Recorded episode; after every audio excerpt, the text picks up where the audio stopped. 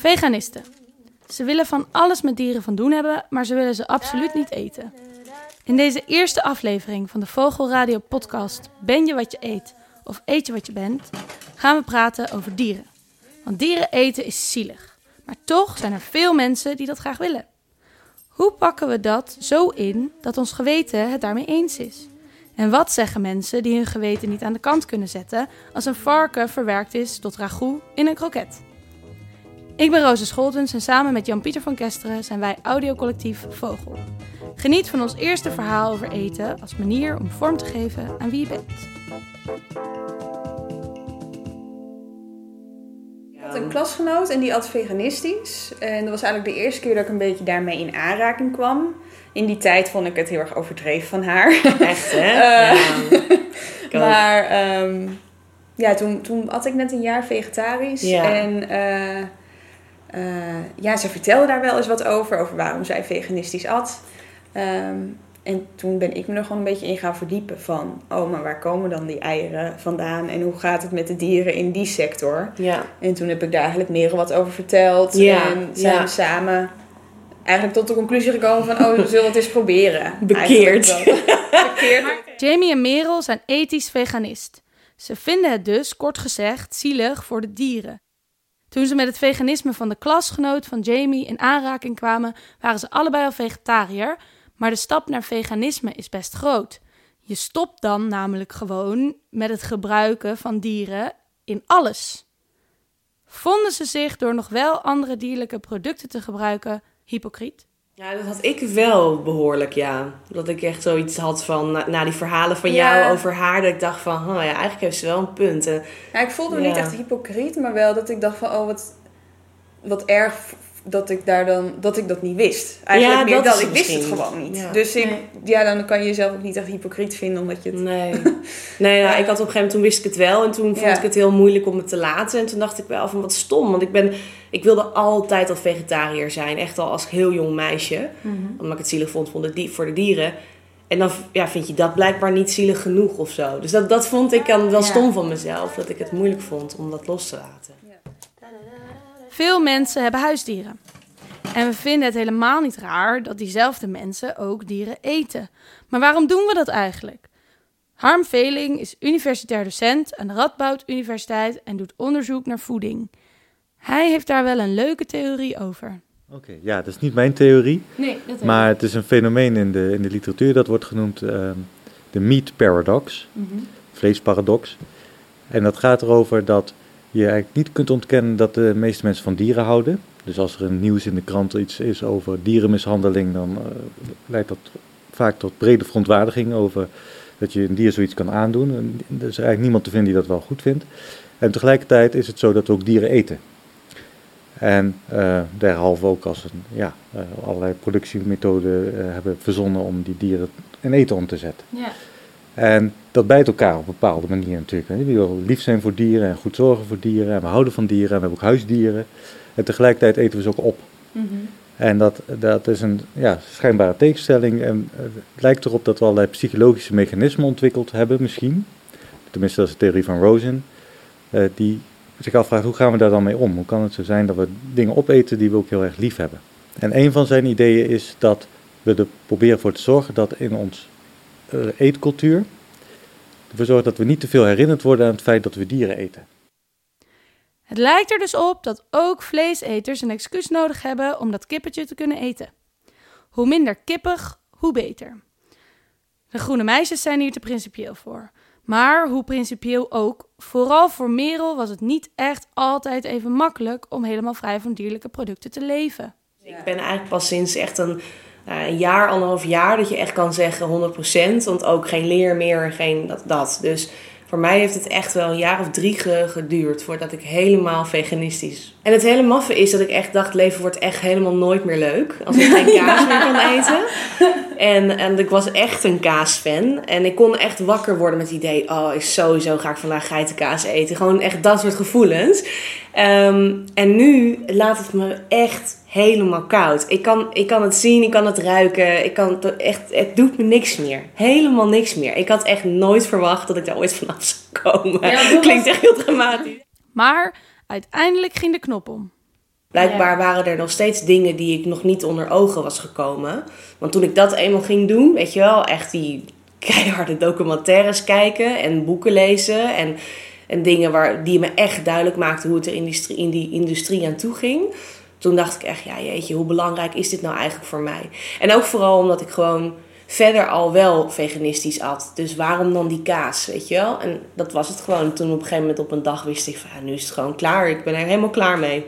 In de kern van de zaak zijn wij absoluut er ooit mee begonnen omdat we gewoon niet eens zijn met hoe het er in de industrie aan toe gaat. En dat was ook de reden waarom we vegetariërs werden. En dus het, ja, voor ons dat het allerbelangrijkste. Gewoon er niet aan willen bijdragen. Nee, Nee. geen enkele wijze. Op deze manier is het veganistisch eten voor Jamie en Merel meer geworden dan gewoon alleen een manier van eten. Het is een lifestyle. En dat zit zelfs in dingen waar je in eerste instantie niet aan had gedacht. Bijvoorbeeld een nieuwe fiets. Kan dat vegan? Ja, maar dat is dus heel moeilijk. Ja, Maar dat is wel waar je over nadenkt. ja, bij Ja. Alles wat ik koop Ja, is het onderwerp vegan wel gewoon... Nummer één vraag Ja. eigenlijk, ja. Kijk, dus met sommige dingen is het onmogelijk of gewoon heel erg moeilijk. En dan ja, moet je gewoon zelf de keuze maken van... doe ik Ja. het dan wel of Ja, laat ik het dan eh, staan? ja. Eh, maar ja, ik bedoel, het, maar het zit in van alles. Heel veel dingen waar mensen ook niet aan denken. Van je kussen waar dons in zit. Ja. Tot, weet je, het is, het Ja. is van alles. Mhm. En ehm, ja, Ja, hoe ver ga je erin? Zo Ja. ver mogelijk. Wat zijn bijvoorbeeld dingen dat ik, dat ik denk, wow, ik vind een fietsband al een behoorlijk wow. Ja, dat is ook wel een extreem voorbeeld hoor, de Lijm. fietsband. ja, het is vooral lijm eigenlijk. Ja, lijm is van ding. etiketten op eh, frisdrank Ja. en bier. Dat Ja. kan ook niet vegan zijn. Dus dan kan je Ja. nog wel een vegan Ja. drankje kopen. Maar Ja. dan koop je alsnog... eh, Kijk, om een voorbeeld te noemen, in, eh, in Berlijn, waar wij veel komen, daar heb je een veganistische supermarkt. En alles wat in die supermarkt staat, is echt 3000 keer gecheckt, 100% zeker weten veganistisch. Dus dat betekent dat en de ingrediënten en de plek waar het is gemaakt en het proces, maar ook inderdaad zoals de verpakking, veganistisch zijn. Dus wil je voor 1000% zeker weten dat je alleen maar 100, ja, echt gewoon eh, zuivere veganistische producten gebruikt, dan zou je eigenlijk alles daar moeten kopen. maar ja, weet je, dat is natuurlijk gewoon niet voor iedereen haalbaar. Ehm, ja, dus dan soms zul je ook wel. Bijvoorbeeld een voorbeeld: je hebt koekjes, qua ingrediënten zijn die veganistisch, maar dan staat er op de verpakking. Eh, kan sporen van ei of melk bevatten. En dat komt doordat ze worden gemaakt in een fabriek waar ook niet-veganistische koekjes worden gemaakt. Er zijn veganisten die de keuze maken om die koekjes dan niet te kopen, omdat het een spoor van kan bevatten, ten eerste. Maar ook omdat het misschien van een merk is dat wel ook wel dierlijke producten maakt. Ehm, wij zelf hebben daar wat minder moeite mee. Wij zelf kijken echt naar de ingrediënten. Het is dus geen sinecure om vegan producten te kopen. En dat geldt ook voor je omgeving. Jamie en Merel hebben er nooit een big deal van gemaakt en maken het henzelf en hun omgeving zo gemakkelijk mogelijk. Maar echt casual is het ook niet, want het, het heeft wel invloed op eigenlijk Ja, alles zeker. wat je doet. En Ja. je staat gewoon ergens ja, voor. zeker. Daar schamen we ons ook echt niet voor. Nee. Nee, maar je, hebt ook echt, je maakt ook echt een punt. Ja, en, doe het, je ook. en het beslist, ik kan me zelfs voor, het beslist ook waar je op gaat stemmen. Ja, bijvoorbeeld. Ja. en dat is, dat is ook wel waar heel veel vooroordelen vandaan komen over veganisten. Ja. Dat het hele sobere mensen zijn die zichzelf compleet wegcijferen omwille van de dieren en het Ja, milieu. the greater cause. Ja, Ja. En, en dat is niet nodig. En Nee. Dat mag je doen, dat moet je helemaal zelf weten. Wij hebben ervoor gekozen om dat niet te doen. Omdat je gewoon net zo goed hartstikke veganistisch kunt zijn zonder dat te doen. En eh we willen daarin ook altijd graag een goed voorbeeld geven. Van, weet je, je kunt zo'n groot verschil maken, maar ook gewoon nog een hartstikke leuk leven leiden zelf. Ja. Dat vinden wij het allerbelangrijkste. Dat is waarom we ook ons blog hebben.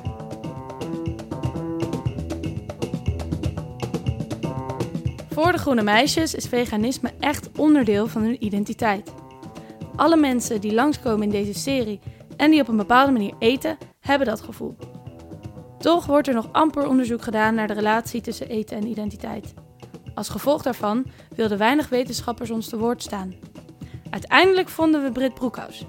Zij doet een PhD in Wageningen waarbij ze onderzoek doet naar voedselinnovatie en zij wil daar gelukkig wel wat over kwijt. Wat, wat zijn de verbanden die jij kon vinden tussen eten en identiteit? Ehm, ja, ik denk dat eten een heel erg ehm, interessant onderwerp is als het om identiteit gaat. Omdat, eh, nou ja, als je over identiteit spreekt, dan kom je ook vaak op het onderwerp van subculturen. Mhm. Dan heb je het heel erg over, nou ja, misschien hippies en punks. Alles wat na de Tweede Wereldoorlog een beetje opkwam uit een soort van ehm, ja, tegenbeweging te- tegen, de, tegen de massa, om het zo maar Mhm. te zeggen. En bijvoorbeeld hippies en punks gebruikten heel veel symbolen, muziek, eh, kleding om daarmee hun stijl uit te dragen en eigenlijk ook hun identiteit. Nou ja, dat was de jaren 60, 70. Dan heb je ook nog wel in latere, latere jaren gehad andere subculturen. Ik denk dat dat nu wel steeds meer een beetje versplinterd is. En dan heb je nu vo- voedsel, wat dan ja, eigenlijk opeens heel erg opleeft en dat mensen daarin verschillende culturen creëren. En ik denk dat voedsel heel interessant is omdat het ehm, in zichzelf al iets heel performatiefs heeft. Het is al een handeling, dus Mhm. het is al iets wat je, wat je zelf tot je neemt. Dus in die zin, je bent wat je eet, maar tegelijkertijd draag je ook iets uit door wat je eet. Dus ik denk dat het, dat het daardoor komt. De huidige generatie jonge mensen, denk aan millennials, wordt ook wel eens een subcultuurloze generatie genoemd. Daarnaast wordt religie steeds minder belangrijk. Maar mensen houden van handvatten. Is eten een manier geworden om kaders te creëren voor wat je wel en niet doet? Ja, ja, zeker. En ik denk ook dat het deels te verklaren is door neoliberalisme en de afnemende verzorgingsstaat. Dat er eigenlijk steeds minder door de overheid of door andere autoriteiten gezegd wordt wat je moet doen. En dat er een soort van vangnet is. Waardoor er heel veel nieuwe macht en verantwoordelijkheid komt te liggen bij de burger en consument. En dat opent een soort van vacuüm, denk ik, voor burgers en consumenten waarin ze een keuze moeten maken. Mhm. en, en voor sommige mensen ehm, is dat dan ook iets wat ze heel erg bewust doen en uit willen dragen. Een heldere levensstijl biedt voor sommigen dus de oplossing. En de berichten uit de wetenschap over eten zijn zo wisselend dat de waarheid moeilijk te achterhalen is. Mensen willen dat alleen wel graag.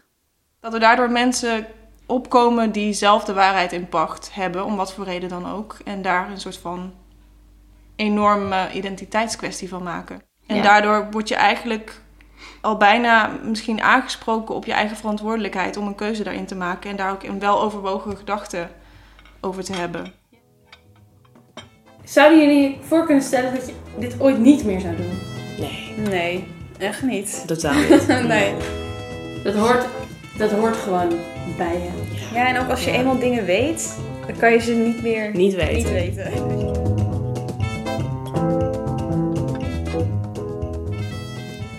Voor het luisteren naar onze podcast. Deze aflevering kwam tot stand met dank aan groene meisjes Merel en Jamie, hoogleraar Harm Veling en PhD-student Brit Broekhuis. In de volgende aflevering drinken we koffie met Dylan. Hij is druk bezig met het oprichten van een heus paleo-café. Geïnspireerd door de oermensenleefstijl van de Aussies zijn hij en zijn vriendin Anouk verslingerd geraakt aan vlees en zaden. Hier moeten wij nog even aan toevoegen dat Jamie van de Groene Meisjes pas geleden is gestopt met het zijn van een groen meisje. Dat was na onze opnames. Deze podcast werd gemaakt door audiocollectief Vogel voor Mindshakes. Vind je ons nou tof? Abonneer je op ons podcastkanaal op iTunes en like audiocollectief Vogel op Facebook. Dan blijf je op de hoogte van alle nieuwe dingen die we maken en zo bouwen wij een beetje aan onze community.